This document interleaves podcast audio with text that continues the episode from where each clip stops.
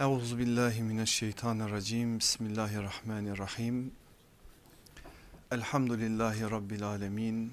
Ves salatu vesselamu ala rasulina Muhammedin ve ala alihi ve ashabihi ecmaîn. Kıymetli kardeşlerim, bir cumartesi gecesinde bizleri yeniden buluşturan Rabbimize hamdolsun. İnşallah hepimizin derdi İslam'dır. O aziz dini anlama ve anlama, yaşama noktasında bir gayret içerisindeyizdir. Bizi buraya getiren en önemli şey de odur inşallah. Ben öyle biliyorum, öyle temenni ediyorum. Onun için de dua ediyorum. Cenab-ı Hak istifademizi daha da ziyadeleştirsin. Öğrendiğimiz hakikatleri buralarda bırakmasın. Aldığımız bu güzellikleri, bu nebevi çeşmeden akan o güzel nuru hakkıyla anlayabilmek ve hakkıyla yaşayabilmek hepimize nasip olsun. Önemli bir konuya bugün inşallah besmele çekeceğiz. Beslenme ahlakı meselesini konuşacağız. Eğer bu derste şöyle bir beklentiniz varsa ben hemen söyleyeyim ki beklentileriniz boşuna oluşmasın işin başında. İşte hoca bize nasıl peygamberimiz ellerini yıkardı sofraya oturmadan önce? Tuzla mı başlardı tuzla mı bitirirdi? Hurmayı nerede yerdi suyu nasıl içerdi hangi yemekleri yerdi? Herhalde bunları anlatacak. Onları anlatmayacağım. Onları bilare anlatacağım size bazı şeylerle ama bugün işin biraz daha temelini anlamaya çalışacağız. Belki bu ahlakın nübüvvet medresesindeki bazı mesajlarını da algılamamıza sebebiyet verecek çok daha temel bir konudan bahis açacağız inşallah. Zaten başlığı serlevhayı sizler de kavramanış, kavramış olmanız lazım. İfsad edilen ekinler ve bozulan nesiller. Biraz daha işin bidayetinden ele alarak bu dersi bir mukaddime olarak kabul edin İnşallah o mukaddimenin üzerine Allah Resulü aleyhissalatü vesselamın bu alanda söylediklerini, yaptıklarını, uyarılarını, yapmak istediklerini bina etmeye çalışalım hep beraber. Beslenme dediğimiz konu mühim bir konu. Hem bizim nefsimizle hem bizim neslimizle hem de bütün insanlıkla alakadar bir konu. Dolayısıyla sadece bir alana sıkıştırılacak bir mevzu değil. E, geniş bir mesele olduğu için, önemli bir mesele olduğu için, meselenin birçok farklı boyutu olduğu için biraz da bu konuyu anlama, anlatmak da zor. Allah yardım etsin inşallah hepimize. Biz artık ne kadar kapasitemiz varsa o kadarıyla bir yönüyle yürümeye çalışacağız. Dersimizin bugünkü serlevhasını anlayabilmemiz için şöyle bir Kur'an'ın o güzel sayfaları içerisine girip bir yönüyle Kur'an'ın bidayetinden meseleyi ele alıp serlevhaya konu olan ayete kadar sözü getirmemiz lazım. Malumunuz Fatiha kitabın başlangıcıdır. Allah Resulü aleyhissalatü vesselamın ifadesiyle Fatihatül Kitap kitabın bir yönüyle de özeti niteliğindedir. Olmazsa olmaz esasları orada ihtiva eder ve bir yönüyle de dua olarak da çok önemli mesajlar verir bize. Arkasından gelen Bakara suresi Kur'an'ın en uzun süresi olarak Medine'de inmeye başlayan ve ahkama ait, ibadete ait, muamelata ait çok önemli esasları içerisinde barındıran önemli bir süredir. Bakara suresinin ilk ayetlerinde biz tabir caiz ise eğer insanlık tarihinin aktörlerinin kimliklerini öğreneceğiz. Adeta Kur'an'ımız şöyle bir şey yapıyor bize. Siz burada insanlık tarihini okuyacaksınız ve siz de o tarihin içerisinde bir aktörsünüz sizinle beraber aktör olanların kimliklerini tanıyın diyerek nazarımıza o aktörleri verir ve ilk beş ayette müminleri bizlere anlatır özellikleriyle vasıflarıyla ki inşallah biz orada anlatılan o vasıflara uyan müminlerdeniz. İki ayette 6. ve 7. ayette inkarcıları anlatır. O inkarcılar münkirler geniş bir kavramda ehli kitap da onların içerisindedir. Onun dışında kalanlar da onların içerisindedir. Sadece Allah'ı tanımayanı Allah da tanımaz onları muhatap almaz Kur'an. Onun dışındakileri o iki ayette bir şekliyle tanıtır bizlere. Ama 8. ayetten itibaren uzunca bir bahis açılır önümüze ve 12 ayet boyunca yani 20. ayete kadar münafıklar anlatılır bize. Bu önemli bir mesaj aslında. Mesajı da muhakkak biliyorsunuz. Demek ki bu insanlık tarihi içerisindeki aktörlerden en fazla adını duyacaklarımızdan bir kesim münafıklar. En tehlikeli olanlar onlar ve müminlerle Müslümanlarla en ciddi problemi yaşayacak olanlar daha doğru ifadeyle müminlere problem yaşatacak olanlar onlar. İşte o uyarıları Kur'an'ımız bizim nazarımıza vermek için daha işin bidayetinde onları bize tanıtır özelliklerinden bahseder vasıflarını anlatır ve sözün perdesi öylece kalkar ondan sonraki ayetlerde de biz artık Rabbimiz bize ne söylüyorsa onları duymaya çalışırız. O ayet grupları içerisinde bir ayet dikkatimizi çekiyor. Onlara yani münafıklara yeryüzünde fesat çıkarmayın denildiği zaman ne diyecekler? Biz ıslah ediciyiz diyecekler. Aslında müfsit onlar, ifsad edenler onlar, yeryüzünü fesada sürükleyen onlar. Her gün yeni bir fesat için kapalı kapılar ardında planlar yapanlar onlar. Kapalı kapıları olanlar onlar, karanlık dünyalarda iş çeviren onlar artık neyse onlara ait bazı şeyleri bize anlatırken aslında ifsadı ıslah ambalajıyla yapacaklarını da söylüyorlar. Bu mesajın altını ısrarla çiziyorum çünkü biraz sonra onunla alakalı bir şeyler söyleyeceğim. Dilleri o biçimdir. Söylesen insanlık için kalpleri yanıp tutuşuyor. Onların dertleri insanlık dillerinde. İnsanlık için hesap yapıyorlar, insanlığın mutluluğu için çalışıyorlar. Hep bu tarz hesapları vardır. Yani onların nazarında ıslaha ait hesaplar vardır. Ama o süslü ambalajların altında fesat vardır, ifsat vardır, yıkım vardır, vardır da vardır.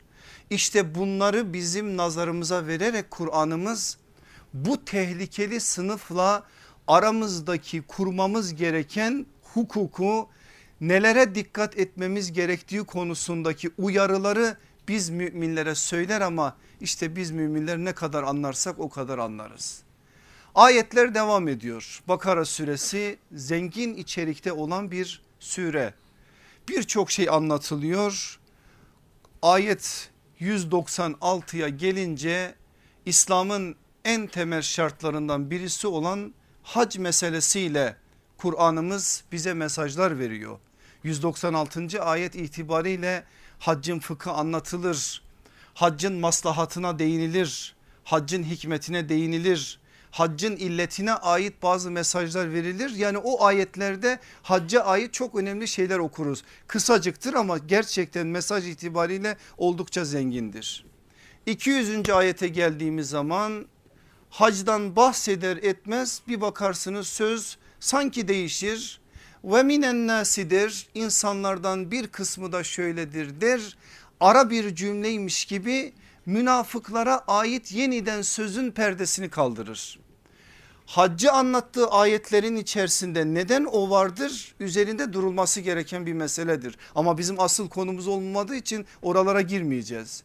Hemen 201. ayette teşehhütte okuduğumuz dua yine insanlardan bir kısmı olarak müminlerin diliyle Rabbena atina duasıyla yerini alır.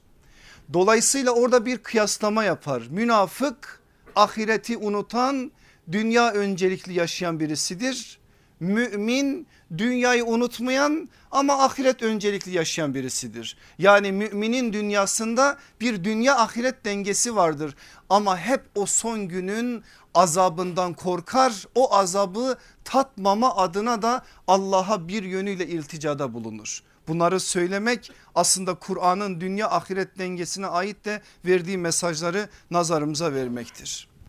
Sonra bir daha hacca gelir. Kur'an'ımız böyle yani inanılmaz derecede bu siyak sibak meselesi dikkatlice ele alınması gerekir. Zaten tefsir usulünde tenasubul Kur'an dediğimiz özgün bir ilim dalı vardır ki ayetlerin birbirleriyle ilişkilerini sürelerin birbirleriyle ilişkilerini bizim nazarımıza verir. Burada bizim için ilk görünüşte zahiren alakasız gibi gözüken meselelerin aslında birbirleriyle ne kadar yakın bağlar olduklarını bizlere söyler.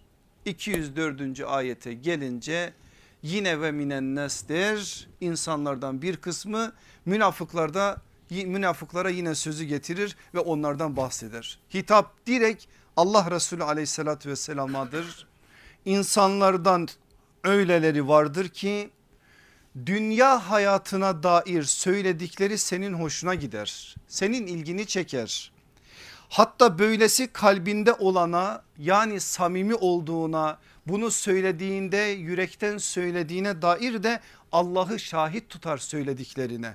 Halbuki o hasımların en yamanıdır. Münafıkların yine özelliğine dair bir bilgiyi verdi bize. Neymiş münafığın en temel özelliği? Dili başka kalbi başka. Bizim oralarda bir söz vardır öyle derler. Dili cami kalbi kilise. Aynen de böyledir. Dilini dinlediğiniz zaman inanılmaz derecede Müslümandır o. Mümindir, mücahittir, o biçimdir. Hamaset en üst düzeydedir.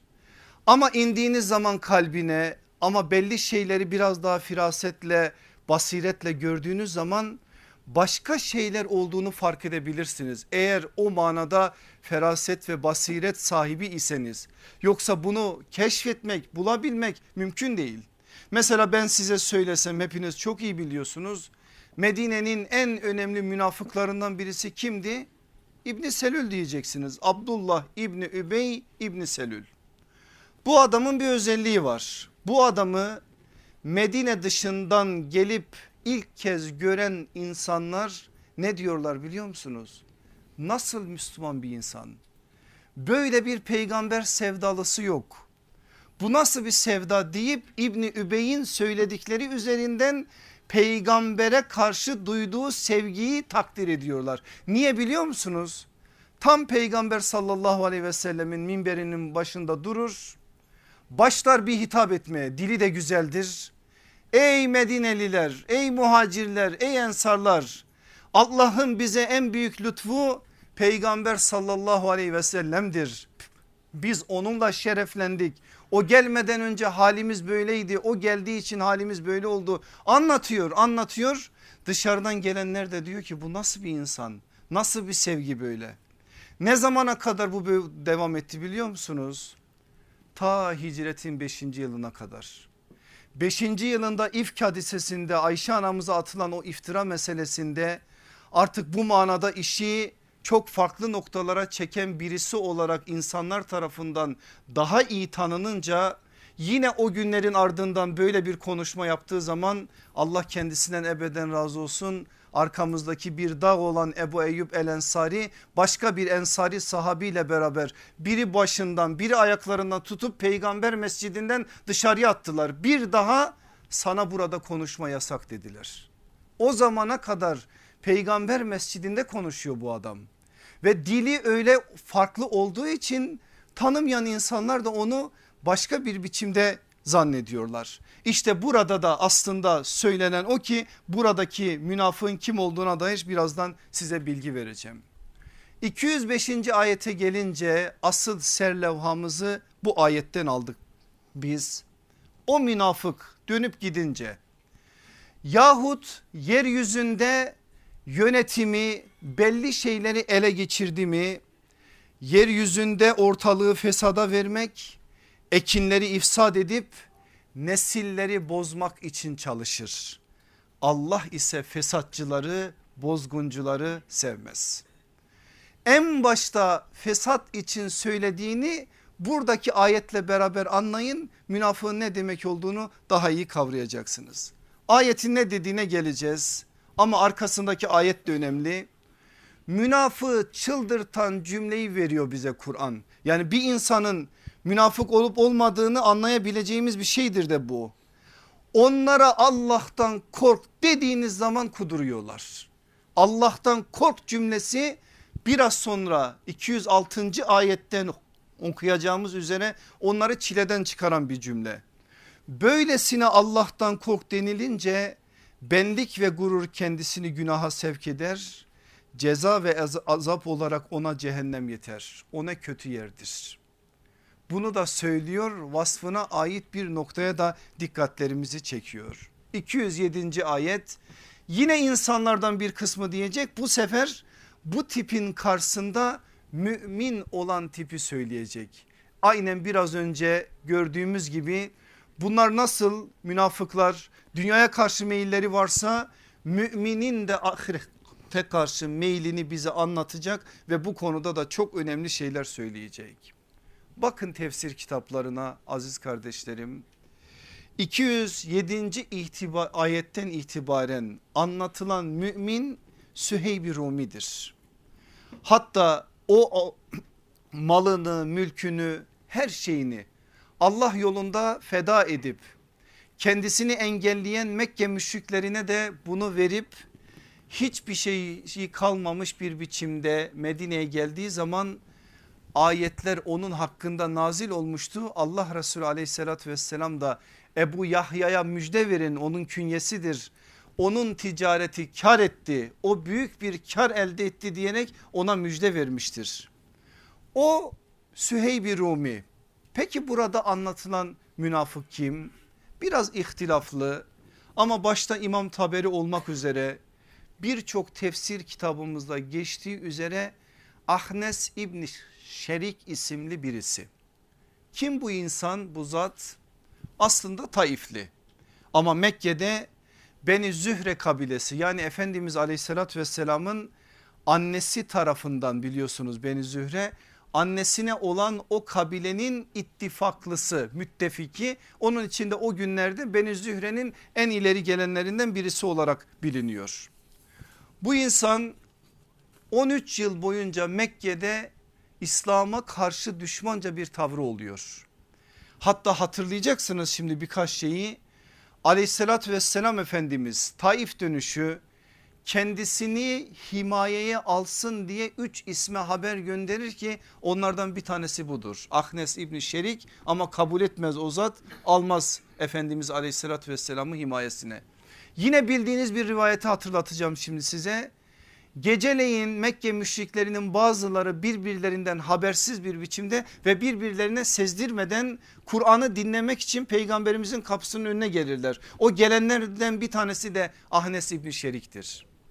Bu insan Bedir'e yüze yakın Beni Zühre mensubuyla beraber katılıyor. Ama bakıyor ki işler biraz farklı noktaya doğru gidecek yoldan geri dönüp gelme adına bir karar veriyor. Bazı tarihi kaynakların bize verdiği bilgiye göre de kınanmamak için sanki deveden düşmüş gibi yaralanmış gibi bir oyun çeviriyor ya da bir yılan soktu gibi bir oyun çeviriyor. 100 tane adamını alarak geri çeviriyor çevriliyor. Onun için adı Ahnes oluyor. Aslında onun asıl adı Übey İbni Şerik'tir. Ama Ahnes geri döndüren geri çeviren olduğu için o günden sonra da o lakabı ismi olarak anılıyor. Bu insan Bedir'den sonra artık kaç yıl sonra geçti bilmiyoruz. Aleyhissalatü vesselam Efendimizin huzuruna Medine'ye geliyor. Efendimiz aleyhissalatü vesselamla konuşuyor. Çok da güzel konuşuyor. Öyle imana ait bazı cümleler söylüyor.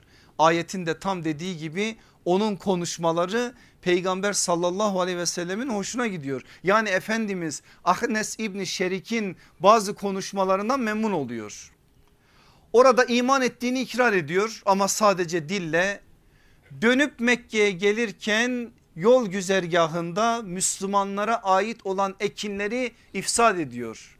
Yıkarak geliyor ve Müslümanlara ait bazı hayvanlara zararlar veriyor böylelikle içinde sakladığı nifakı orada ortaya koyuyor. Böyle bir haldeyken Huneyn'e kadar bu konuda Efendimiz aleyhissalatü vesselamla bir münasebeti olmuyor.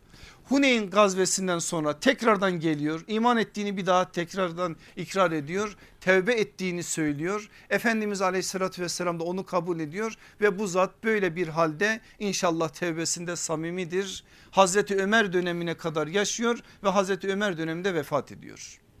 Bu ayrıntıları niye verdim size biliyor musunuz? Çünkü asıl bugünkü konumuzla alakalı buradan bazı mesajlar alacağız. Kur'an'ın indiği zamanda bu ayetin verdiği mesaj biraz önce Ahnes İbni Şerik için anlattığımız kadar.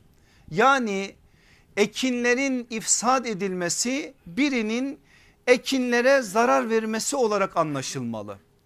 Nesillerin ifsad edilmesi ise nesillerin öldürülmesi ya da onlara bir yönüyle farklı bir biçimde zarar verilmesi olarak anlaşılmalı. Bir de şöyle anlaşılmalı.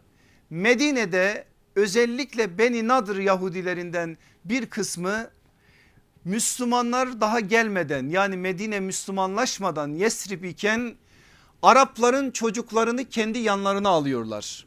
Onları Yahudi olarak yetiştiriyorlar Arapların çocuklarını Yahudileştiriyorlar. Bu da manen ölüm olduğu için neslin ifsadı olduğu için bu şekliyle de anlaşılabilir. Ama miladi 6. ya da 7. asırda bu ayetin ilk muhataplara verdiği mesaj bu kadar. Ancak Kur'an'ımız evrensel bir kitaptır. Çağlar üstü bir kitaptır. Zamanlar üstü bir kitaptır. Bir zamandan konuşan ama zamana mahkum olmayan, bir mekana konuşan ama mekana mahkum olmayan, belli muhataplara konuşan ama o muhataplarla sınırlı olmayan bir kitaptır.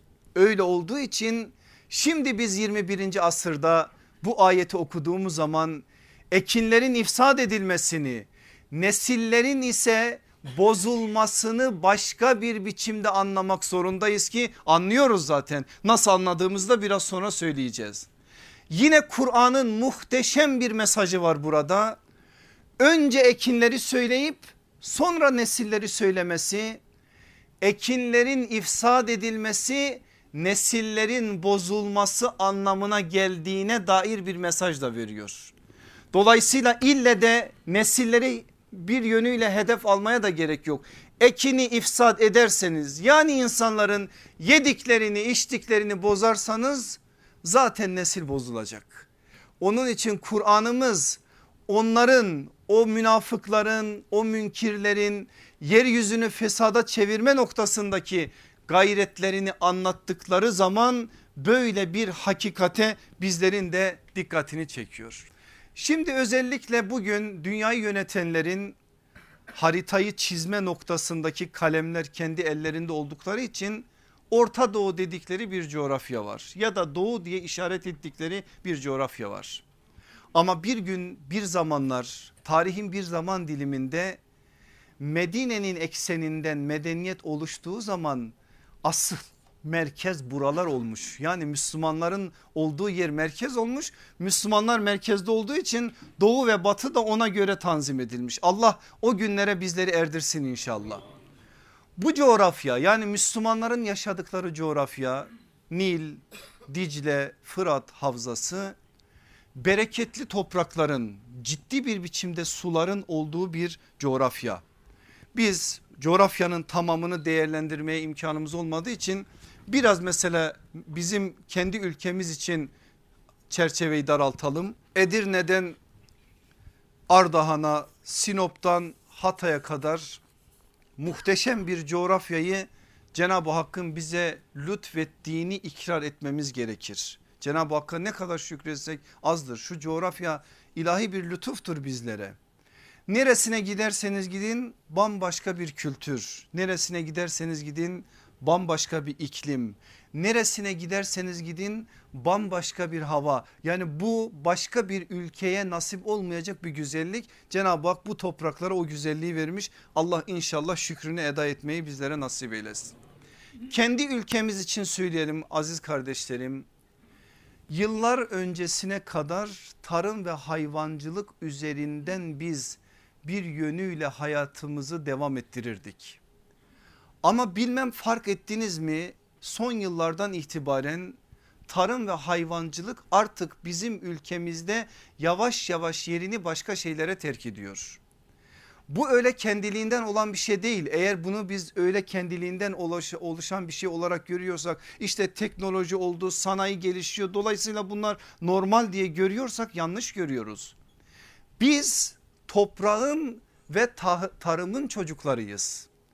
Ama birileri bizi özellikle planlı ve gerçekten büyük bir stratejiyle betona ve inşaata mahkum ettiler. Ve biz şu anda betonun ve inşaatın çocukları olduk. Bilmem sizin çocuklarınız bir sineği, bir arıyı, bir böceği görünce korkmuyorlar mı?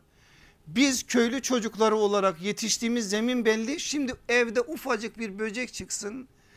Evin ne hale geldiğini siz benden daha iyi biliyorsunuz. Böyle bir noktaya geldik. Nereden nereye geldiğimizin küçük bir göstergesi bu. Peki bu nasıl oldu? Birileri nasıl böyle bir planlamayla bizi bu noktaya getirdi? Bu üzerinde durulması gereken bir konu. Bazı size oranlar vereceğim. Yani bunları özellikle bugün vereceğim ki bu beslenme meselesini biz öncelikli bir mesele olarak gündemimize alalım ve bunun aslında necasetten taharet ve hadesten taharet gibi ibadetimizin öncesinde olması gereken bir mesele olarak Müslümanlar olarak gündemimize girsin. Çünkü bu noktada bazı sloganik ve hamaset dolu cümleler dışında Müslümanlarda ciddi bir gayret yok. Olmadığı için de her geçen gün biz daha farklı bir biçimde felakete doğru sürükleniyoruz.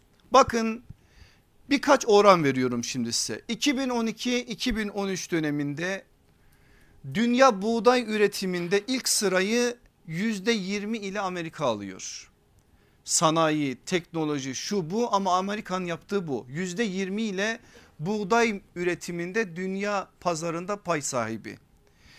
Yüzde on sekizle onu Çin takip ediyor.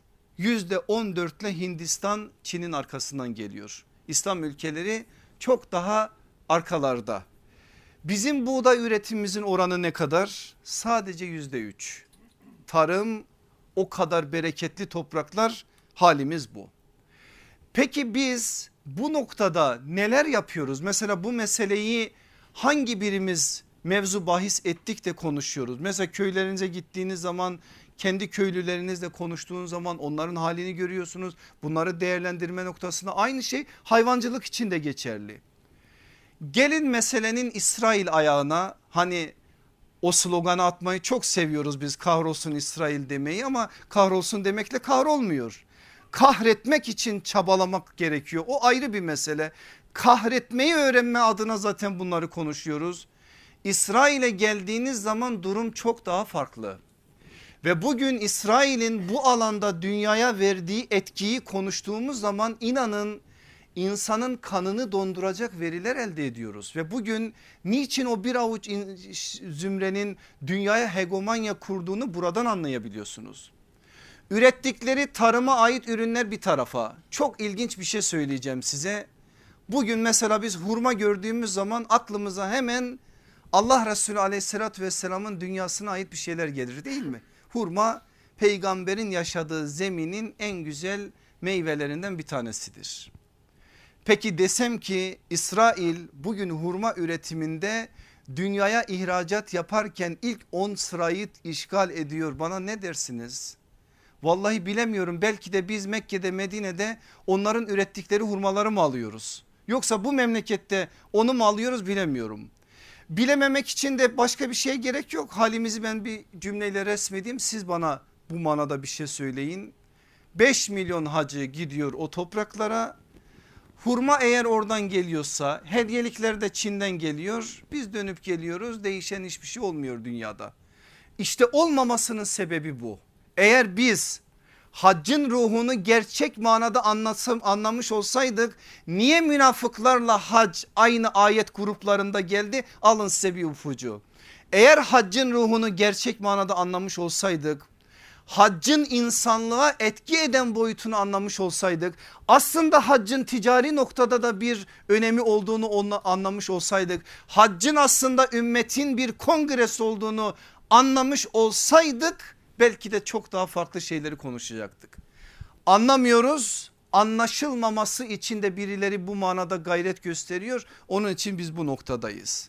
Şimdi biz İsrail'e şu çerçeveden bir baktığımız zaman yani onların tarım meselesindeki elde ettikleri başarıya ya da şu andaki zeminlerine baktığımız zaman şöyle bir neticeyi elde ediyoruz. Ölü denizin kuzeyinde güneyinde deniz seviyesinin 150 metre altında özellikle söylüyorum bunları. Arava çölü diye bir çöl var. O çölde 7 tane çiftlik kuruyor çölün üzerine İsrail ve sebze meyve artık neyse bunlara ait ihracatının yüzde 66'sını orada elde ediyor. Ve bugün kendi ihtiyaçlarının dışında dünyaya bu manada bir şeyler satıyor. Sattığı sadece bu değil. Neler sattığına dair birkaç şey daha söyleyeceğim bu bu manada. En önemli sattığı şey de dünyaya tohum satıyor. Ve biz tohumları onlardan alıyoruz büyük bir kısmını. Şimdi bu, bu konuda bazı sıkıntılar olduğu için ben oran vermek istemiyorum ama bildiğimiz bir hakikat var ki ciddi oranda biz bugün İsrail'den tohum alıyoruz. Ve tohumu aldığı toprağa saçtığımız zaman artık o tohuma bağımlı bir hale geliyoruz. Şimdi biz organik gıda falan filan konuşuyoruz ya genetiği bozulmamış ya GDO'dan bir yönüyle uzak tutulmuş gıdalardan bahsettiğimiz zaman meseleyi şöyle anlıyoruz. Eğer biz kendimize ait bir tarlamız olursa kendimiz ekersek kendimiz biçersek orada elde ettiğimiz ürün bir yönüyle organik oluyor. Ya da biz marketten yoğurt almazsak süt ürünleri almazsak bir mandıradan gözümüzün önünde sağılan sütü alırsak yoğurdu alırsak organik manada almış oluyoruz. Hayır böyle değil. Böyle anlıyorsak yanlış anlıyoruz. Netice itibariyle senin ektiğin domatesin tohumunu da ondan alıyorsun. Belki biraz daha farklı sen biraz daha doğal olduğun için yüzde yüz aynı değil aynı olmadığını söylememiz gerekir. Ya da gidip bir yerden süt aldığın zaman o sütü sana veren ineği bir yönüyle besleyen o çiftçinin ona yedirdikleri ne ona baktığın zaman yine mesele bir yönüyle onların istediği gibi yürüyor. Hal böyle olunca bu noktada çok ciddi bir problem içerisindeyiz biz. Yani bu mesele inanın ki öyle çok da e, bir iki cümleyle ya da burada bir dersle anlatılacak bir şey değil. Böyle bir halde olduğumuz için de ekinleri ifsad eden o zümre yani yönetimi elinde tutan dünyaya bu manada hakimiyet kuran o zümre istediği gibi istediği coğrafyaları bir yönüyle saçıp savuruyor. Nasıl istiyorsa öyle yapıyor. Daha ilginç bir şey söyleyeyim size. Bugün şu memleketin su kaynakları çok bereketli. İçme suları açısından da öyle. Sağlık Bakanlığı'nın verdiği veriler ben dışarıdan başka bir şey söylemeyeceğim size. Yani internetten toplayıp getirdiğim bilgiler değil.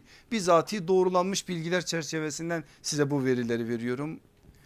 Türkiye'de şu anda içme suyu alanında yerli ve yabancı olmak üzere 288 firma rekabet ediyor. Bu 288 firmanın 280'i küçük firmalardan oluşuyor. 8 tane firma içtiğimiz suların pazar payının büyük bir bölümünü ellerinde tutuyorlar. Ve bu 8 tane firmada yabancılara ait firmalar. Ben hangi markalar olduğunu söylemeyeyim onları siz tespit edin. Yabancı markaların pet su pazarında yüzde 50 damacanada yüzde 17 oranında etkileri var. İçme suyunu onlardan almamız bize ait bir su bizim sularımız bizim topraklarımızdan çıkıyor. Çalışan işçiler bizden birçok şey bize ait müşteri de biziz ve bize satıyorlar. Bize satmalarında bir şey yok benim asıl korkum şu acaba biz su mu içiyoruz?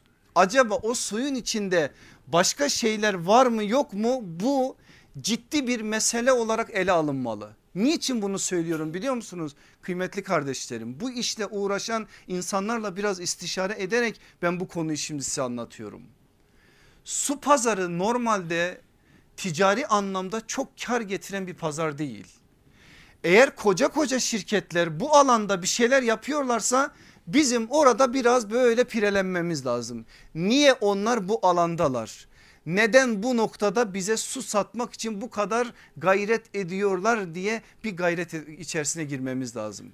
Çünkü bunları sorguladığımız zaman ekinlerin ifsad edilmesi nesillerimizin ise bozulması meselesini o zaman anlayacağız.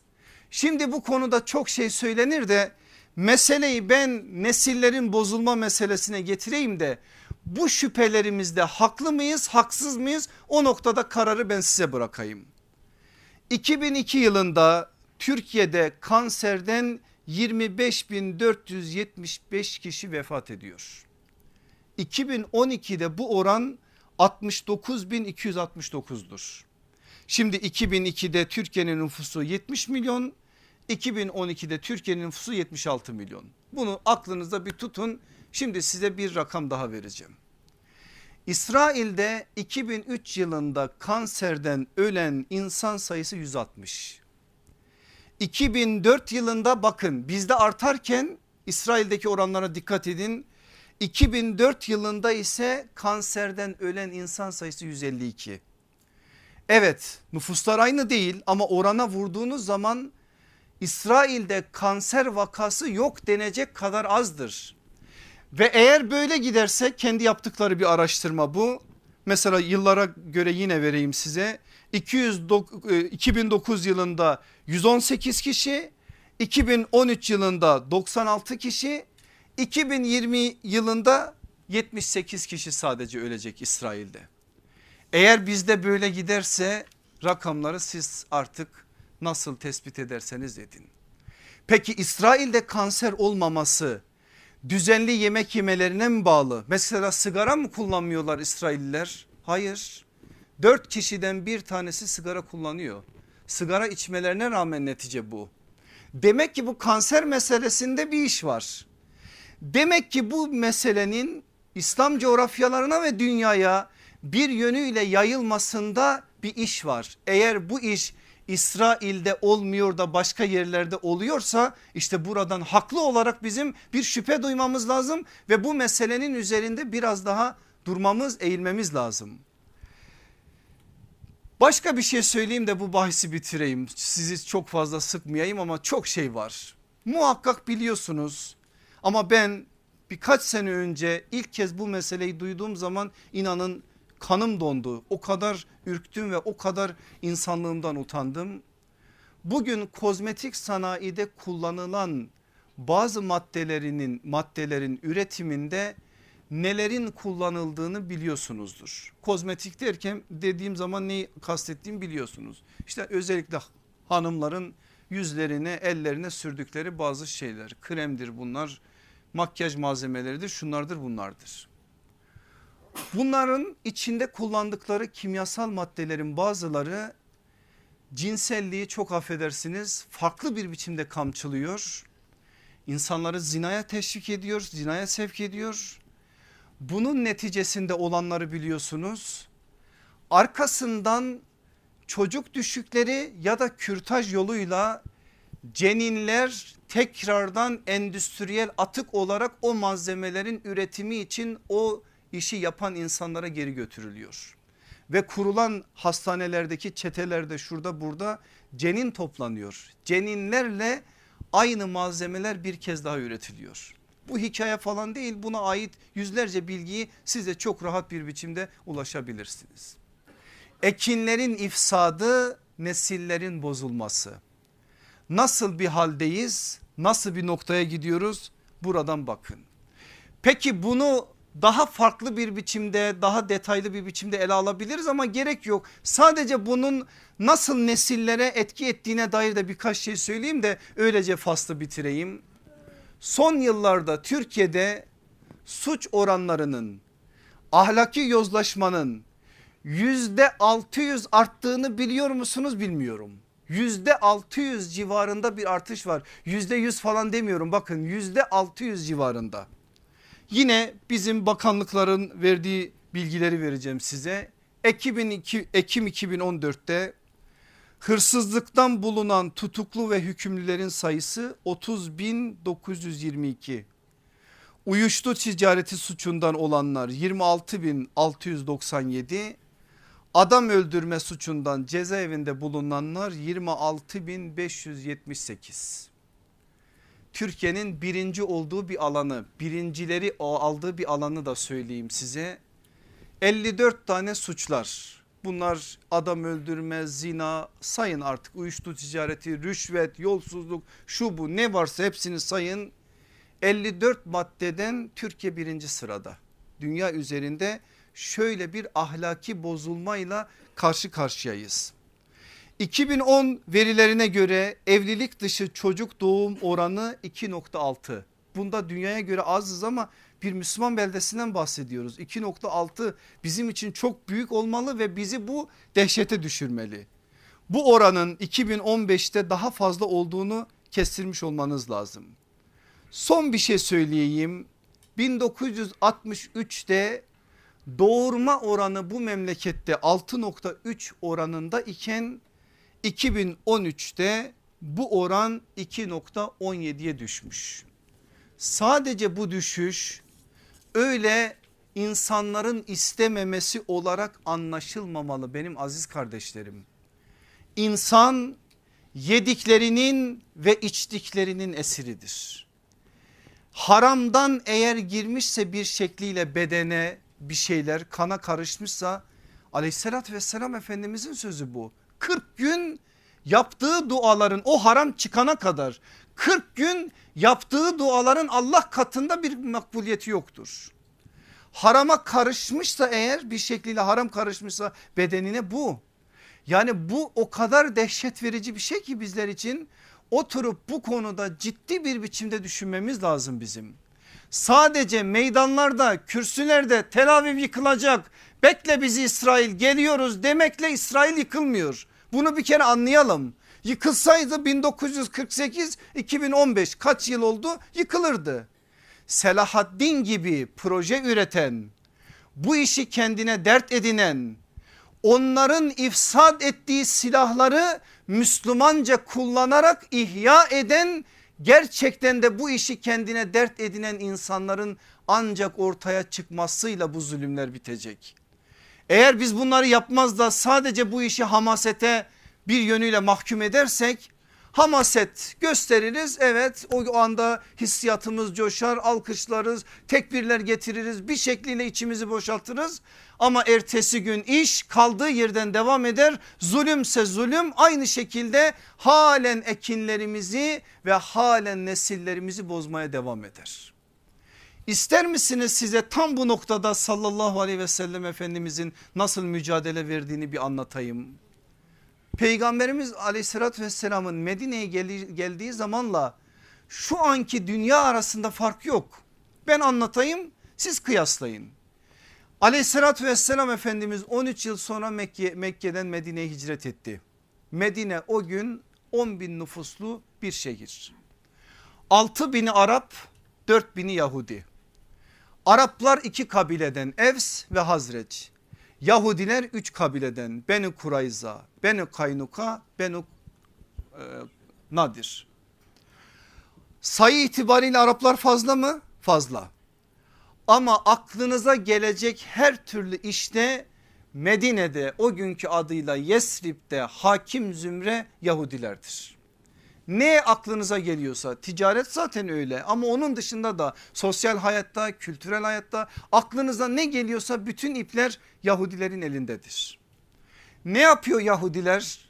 O ipleri ellerinden kaçırmamak için Evs ve Hazreç'i birbirine düşürüyor.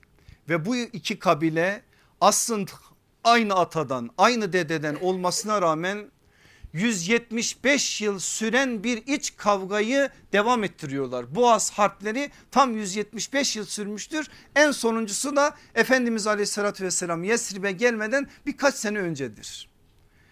Olur ki Efs ve Hazreç bir barış ortamına girdiği zaman Yahudilerin böyle laf yapan bu manada strateji üreten bu manada iş çevirenleri iki kabileyi yeniden birbirine düşürmek için anında bir şeyler yapar. O kavganın sükunete ermesine asla müsaade etmezlerdi. Ve böyle devam etti geldi ta sallallahu aleyhi ve sellem Efendimiz gelene kadar. Peygamber sallallahu aleyhi ve sellem geldiği zaman 500 muhacirle geldi. Medine'de muhacir nüfusu bir anda artmadı. Ve ilk nüfus sayımına göre toplam Müslüman nüfusu 1500'dü. 10 bin 1500 dikkat buyurun. 1500 nüfus vardı. İlk nüfus sayımını sallallahu aleyhi ve sellem özellikle bazı şeyleri kayıt altına almak için yaptırdı. Ne yaptı Efendimiz aleyhissalatü vesselam? Önce bir baktı. Hemen Efendimizin Yesrib'e gider gitmez kahrolsun Yahudiler. Bu Yahudileri kesmek lazım, asmak lazım, bölmek lazım. Bu cümleler yok. Diyecek mi Efendimiz bir gün kahrolsun İsrail bizim dediğimiz gibi o günkü dille söyleyecek mi söyleyeceğini söyleyecek. Ne zaman söyleyecek biliyor musunuz? Hayber'in önlerinde söyleyecek. Hayber Hayber ya Yahud Ceyşi Muhammed Seyahut diyecek sahabe o gün. O gün diyecek işte. Çünkü iş artık o noktaya gelmiş. Ama o gün aleyhissalatü vesselam Efendimiz kavgaya gürültüye kapıyı açmadan Medine vesikası diye tarihe geçen bir vesikayı onların önüne koyuyor ve onların imza atmalarına onları mahkum ediyor. Dikkat buyurun. Yahudiler ellerinden bazı fırsatların kaçacağını bilmelerine rağmen Medine vesikasına niye imza attılar? Peygamber aklı kurban olduğumuz öyle bir strateji ki şimdi ben söylesem aklınız duracak. Ne yaptı biliyor musunuz aleyhissalatü vesselam Efendimiz? O Medine vesikası sadece Müslümanlarla Müslümanlar arasındaki hukuku tanzim eden bir anayasa değil. Müslümanlarla Müslümanlar doğru. Muhacirlerle ensar doğru. Müslümanlarla Yahudiler doğru. Yahudilerin de birbirleri arasındaki hukuku Efendimiz o anayasada güvence altına aldı. Ve şöyle bir şey yaptı tanıdı baktı strateji üretiyor. Nebevi siyasetten bahsediyoruz size. Baktı ki Benü Nadir ile diğerleri arasında diyetler konusunda sıkıntı var. Eğer iki kabileden birisi özellikle de Beni Kurayza Benu Nadir'den birini öldürürse yarım diyet ödüyor. Ama Benu Nadir Beni Kurayza'dan birini öldürürse tam diyet ödüyor. Aleyhissalatü vesselam Efendimiz dedi ki haksızlık bu olmaz. İnsan hürmete layık birisidir. Kim öldürdüyse diyet oranı aynı olmalı diyerek Yahudilerin bu manadaki diyet oranlarına bir standart ve aynı şey getirdi. Şimdi bu konuda Beni Kurayza itiraz etse Benu Nadir buradan menfaat elde ettiği için yıllardır bu manada sömürüldüğü için o anlaşmaya imza atmaya hevesli. Öyle olduğu için de mecburen Yahudiler o anlaşma altına imza attılar. Sallallahu aleyhi ve sellem yol gösteriyor bize. Anlaşmaya imza atıldı. Efendimiz aleyhissalatü vesselam İslam toplumunu tesis ediyor. Nasıl tesis ediyor? Önce mescidini bina ediyor. Hemen yanı başına menzilini kalacağı evleri ama bir yönüyle sahabenin kadınlarını eğiteceği medreselerini her bir anamız bir muallim her bir hücrede bu manada bir medrese. Hemen arkasından mektebi Suffa mektebini onun arkasından kimselere malzeme vermemek için kimselere bu manada farklı bir biçimde kaşıyacakları bir yara bırakmamak için ve toplumu bir yönüyle kaynaştırmak için ensar muhacir kardeşliği diye bildiğimiz muahhatı kardeşliği orada tesis ediyor. İbni Sad'ın verdiği bilgiye göre 50 muhaciri 50 ensara ama Makrizi'nin verdiği bilgi daha doğru 93 muhaciri 93 ensara kardeş kılıyor. Kardeş de kılınmışlar. Efendimiz mescitte hitap edecek karşısındaki o güzel cemaate. Bakın sallallahu aleyhi ve sellem Efendimiz neyle uğraşıyor? Niye biz bugün bu dersi yapıyoruz buradan anlayın. Kim bize cennet karşılığında Rume kuyusunu satın alacak?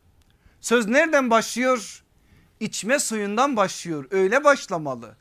Sen dünyayla hesaplaşacaksın. Dünyaya baş kaldıracaksın. Meydan okuyacaksın. Bir medeniyet inşa edeceksin. Altını doldurmadan bunu eğer yaparsan rezil olursun ve Müslümanların potansiyelini de ele ayağa düşürürsün. Onun için bir kere sırtını sağlam alacaksın. Hele hele Müslümanlar içme suyu meselesinde bu kadar önemli bir meselede birilerine bağımlı bir biçimde kalırsa orada medeniyet inşasından söz edilmez. İşte aleyhissalatü vesselam Efendimiz Mescid-i Nebevi'nin ilk günlerinde bunu söyleyecek ve sahabenin dünyasına bu manada bir şeyi koyulacak. O gün birkaç tane kuyu var Medine'de ve kuyuların tamamı Yahudilerin elinde. Müslümanlar içme sularını nasıl alıyorlar?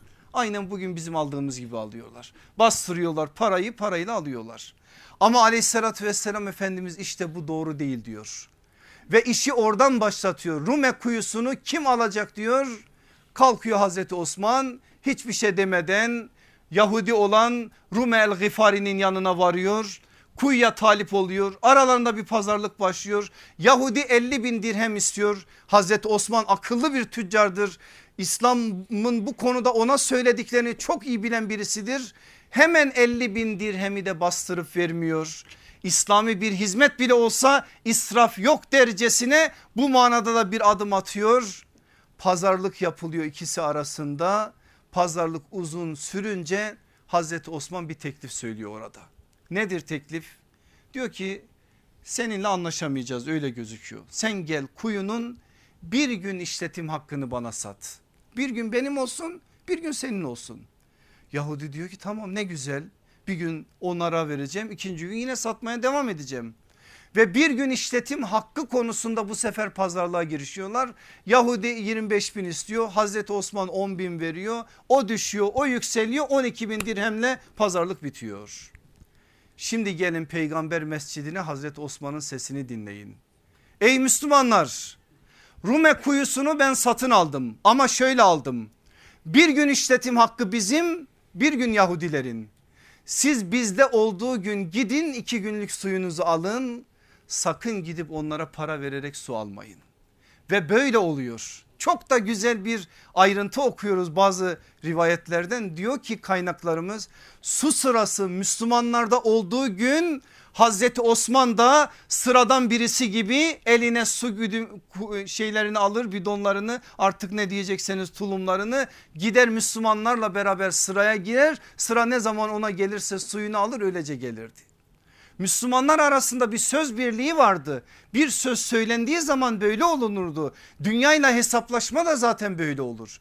O gün o manada Yahudilerle eğer Allah Resulü aleyhissalatü vesselam işin bidayetinde bu mücadele yaptıysa o mücadelenin altında böyle bir durum yatıyordu. Ve bakıyor ki Yahudi gelen giden yok. Sıra onda olduğu zaman müşteri yok. Birkaç gün sonra geliyor Hazreti Osman'ın yanına. Gel diyor diğerini de sana satayım.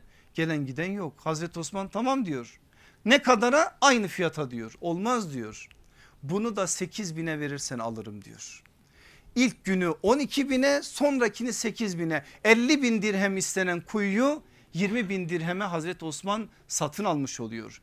Ve Müslümanları asli ihtiyaçları olan su meselesinden böylece kurtarıyor. Allah onu inşallah cennette makamını âli etsin.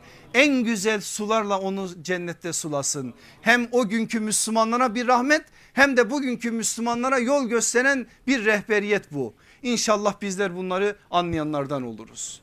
Şimdi aleyhissalatü vesselam Efendimiz bu manada muakkatı yapıp içme suyu meselesinde de böyle bir adım attıktan sonra mesele pazara geldi pazara baktı ki pazar tamamen Yahudilerin elinde.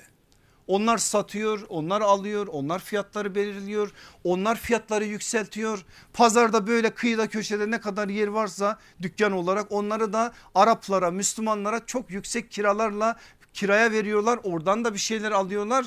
Öyle bir halde ki eğer pazar onların yaptığı gibi devam etse asla Müslümanlar bir başarı elde edemeyecekler. Dört tane pazar var Medine'de dördünün hali de böyle. Topluyor Efendimiz aleyhissalatü vesselam. Ashabın tüccarlarıyla istişare ediyor. Ne yapalım diyor. Bir şeyler konuşuluyor. En son Efendimiz diyor ki onlarla mücadelenin yolu kendimize ait bir pazar ihdas etmekle olur.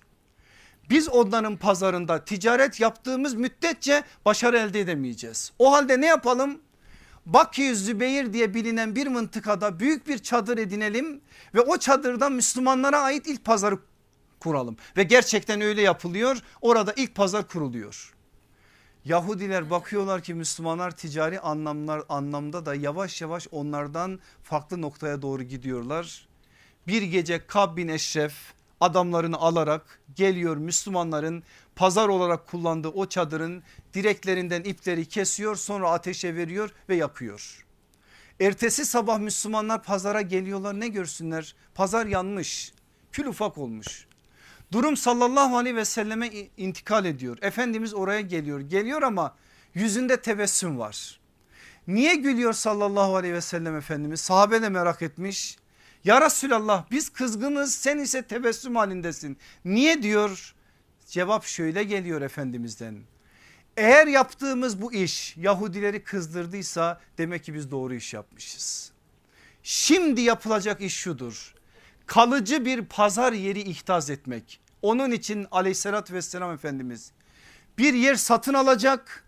Orayı kıyamete kadar Müslümanların pazar yeri olarak vakfedecek ve orası Müslümanların ilk kalıcı pazarı olacak. Bugün inşallah yolunuz düşerse o güzel topraklara Hazreti Ali'nin mescidinden Mescid-i Nebevi'ye doğru yürüdüğünüz zaman sarı duvarlarla çevrilmiş bir yer göreceksiniz. Sukul Kadim diye yazan eski çarşı diye yazan Efendimiz aleyhissalatü vesselamdan sonra Hazreti Ebu Bekir'in halife olarak seçildiği Beni Saide sakifesine de yakın bir yer. Tam oraya Allah Resulü aleyhissalatü vesselam kıyamete kadar Müslümanların pazar yeri olarak ihdas ediyor.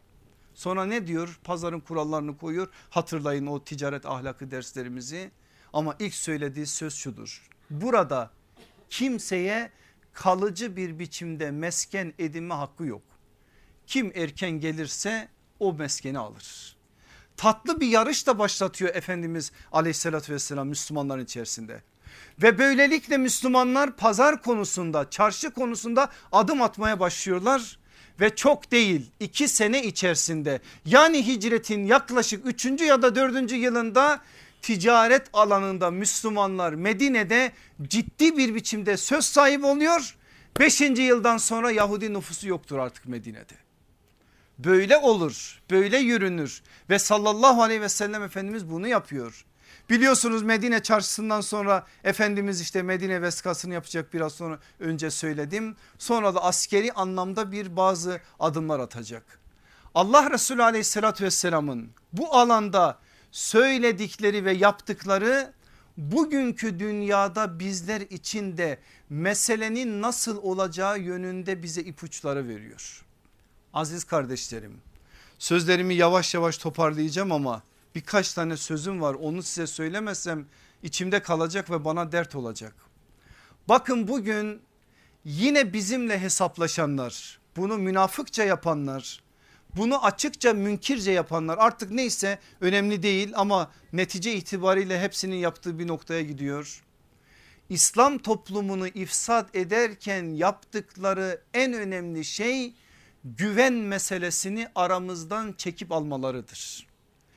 İki insan birbirine güvenmedikten sonra artık bir şey yapamaz. Bakın burada söylediğimiz şeyler öyle bir iki insanın kendi çabalarıyla ortadan kaldıracağı ya da altından kalkacağı yükler değil. Burada Müslümanların birlik ve beraberlik içerisinde olmaları gerekir.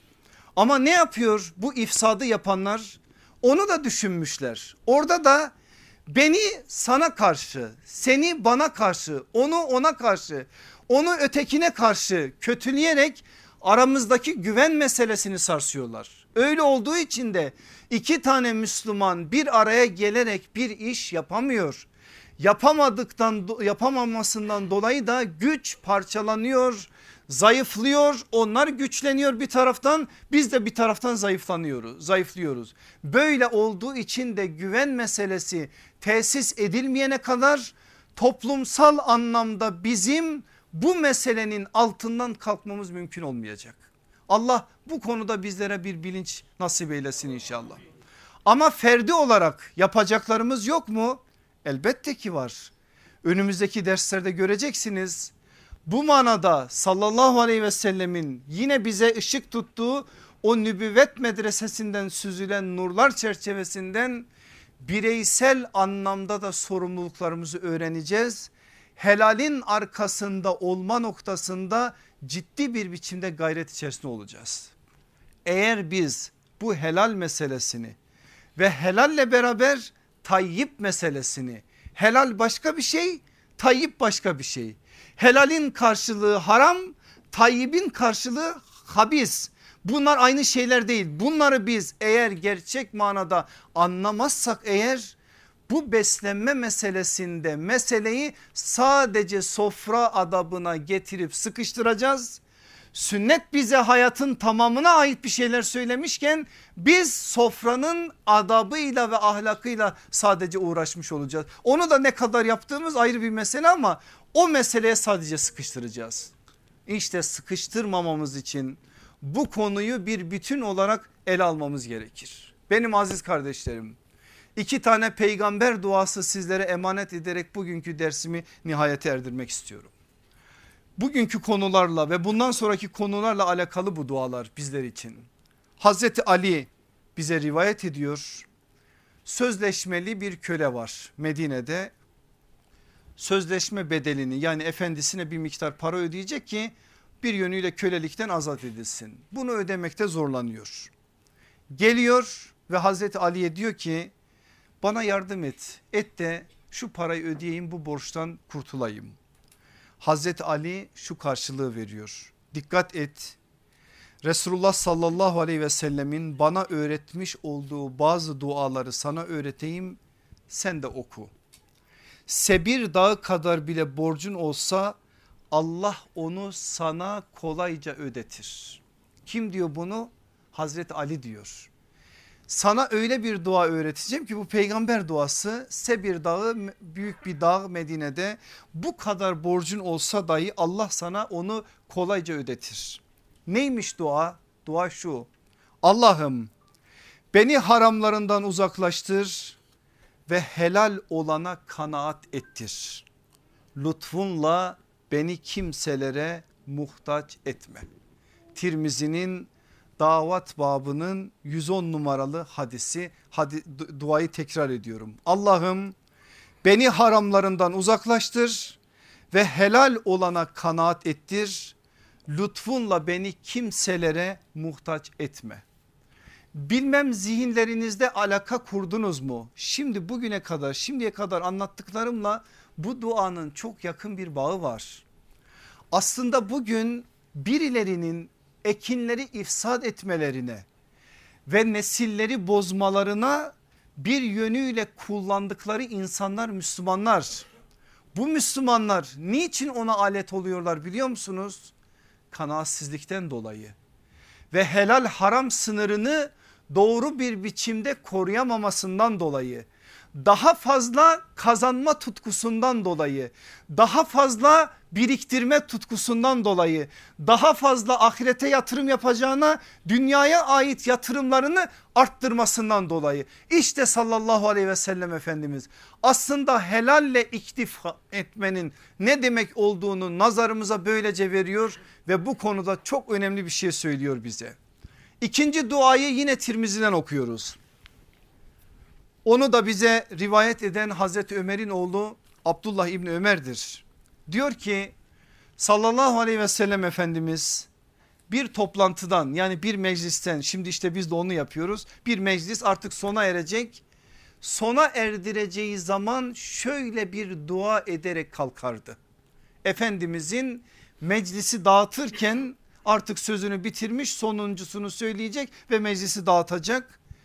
Onu dağıtmadan önce as ashabına şöyle bir dua ederek sonlandırırdı diyor Abdullah İbni Ömer. Dikkat buyurun ne diyor Allah Resulü aleyhissalatü vesselam. Allah'ım bize bizimle sana isyan sayılacak şeyler arasında perde olacak kadar korkunu, bizi cennetine ulaştıracak kadar itaatini dünya musibetlerini hafifletecek kadar da kuvvetli bir imanı nasip eyle. Daha bitmedi ama bu cümleyi bir daha duyalım. Allah'ım bize bizimle sana isyan sayılacak şeyler arasında perde olacak kadar korkunu, bizi cennetine ulaştıracak kadar itaatini, dünya musibetlerini hafifletecek kadar kuvvetli bir imanı nasip eyle. İstenilen o üç şeyi de Cenab-ı Hak bizlere nasip eylesin. Ama ne olur üzerinde biraz durun. Bunlar önemli mesajlar taşıyor. Neden o korku istenir? Niçin? Yani o perde olacak kadar bir korku neden talep edilir? Cennete ulaştıracak kadar bir itaatin arkasında niye durulur? Ve dünya musibetlerini kaldıracak kadar kuvvetli bir iman niçin istenilir? Üzerinde durulması gereken bir mesele. Ve dua aynı rivayette devam ediyor. Allah'ım bizi hayatta bıraktığın sürece kulağımızdan, gözümüzden ve kuvvetimizden bizi faydalandır. Anlaşılıyor değil mi? Zayıf mümin mi? Kavi mümin mi? Neymiş istenen? Ona ait de bir işaret. Bizi hayatta bıraktığın sürece kulağımızdan, gözümüzden ve kuvvetimizden bizi faydalandır. E böyle olabilmesi için de doğru beslenmesi lazım. Helal yemesi lazım. Ekinlerin ifsad edilmemiş olarak selim bir biçimde korunmuş şeyleri yemesi lazım ki işaret zaten orada. Bizi bu manada bize bahşettiğin bu uzuvlardan faydalandır. Bunları son anımıza kadar bizden alma. Kulağımızı da bedenimizi de gözümüzü de. Bize zulmedenlerden intikamımızı al. Bize düşmanlık edenlere karşı bize yardım et. Dikkat buyurun cümleye. Ve la tec'al musibetene fi dinina. Bize dini musibet verme. Musibet musibet de dini musibet nasıl? Din ambalajında gelip aslında ayağımızı kaydıracak şeyler. Dini birilerinin kullanma noktasında imkanı verme. Dinimizi koru ki sen bu manada yanlış yapmayalım. Dinin musibeti ağır bir şey. Dünyanın musibetiyle bir şekilde harp edilebilir ve karşı konulabilir. Ama dinin musibet çok zor bir şey. Ve sallallahu aleyhi ve sellem Efendimiz onu söylüyor. Bizi din musibetine düçar etme bunu bize verme. Dünyayı bizim en büyük kaygımız ve ilmimizin son hedefi yapma. Dua harika bir dua. Bize acımayanları, merhamet etmeyenleri başımıza musallat etme. Bu da Tirmizi'nin davat babının 82 numaralı hadisi. Bu duayı tekrardan okuyup sözlerimi bitiriyorum. Allah'ım bize bizimle sana isyan sayılacak şeyler arasında perde olacak kadar korkunu, bizi cennetine ulaştıracak kadar itaatini, dünya musibetlerini hafifletecek kadar kuvvetli bir imanı nasip eyle. Allah'ım bizi hayatta bıraktığın sürece kulağımızdan, gözümüzden ve kuvvetimizden bizi faydalandır. Bunları son anımıza kadar bizden alma. Bize zulmedenlerden intikamımızı al. Bize düşmanlık edenlere karşı bize yardım et. Bize dini musibet verme. Bize dini musibet verme. Bize dini musibet verme. Dünyayı bizim en büyük kaygımız ve ilmimizin son hedefi yani amacı yapma. Bize acımayanları merhamet etmeyenleri başımıza musallat etme. Amin. Velhamdülillahi Rabbil alemin. Ve ahire davane enilhamdülillahi Rabbil alemin. El Fatiha.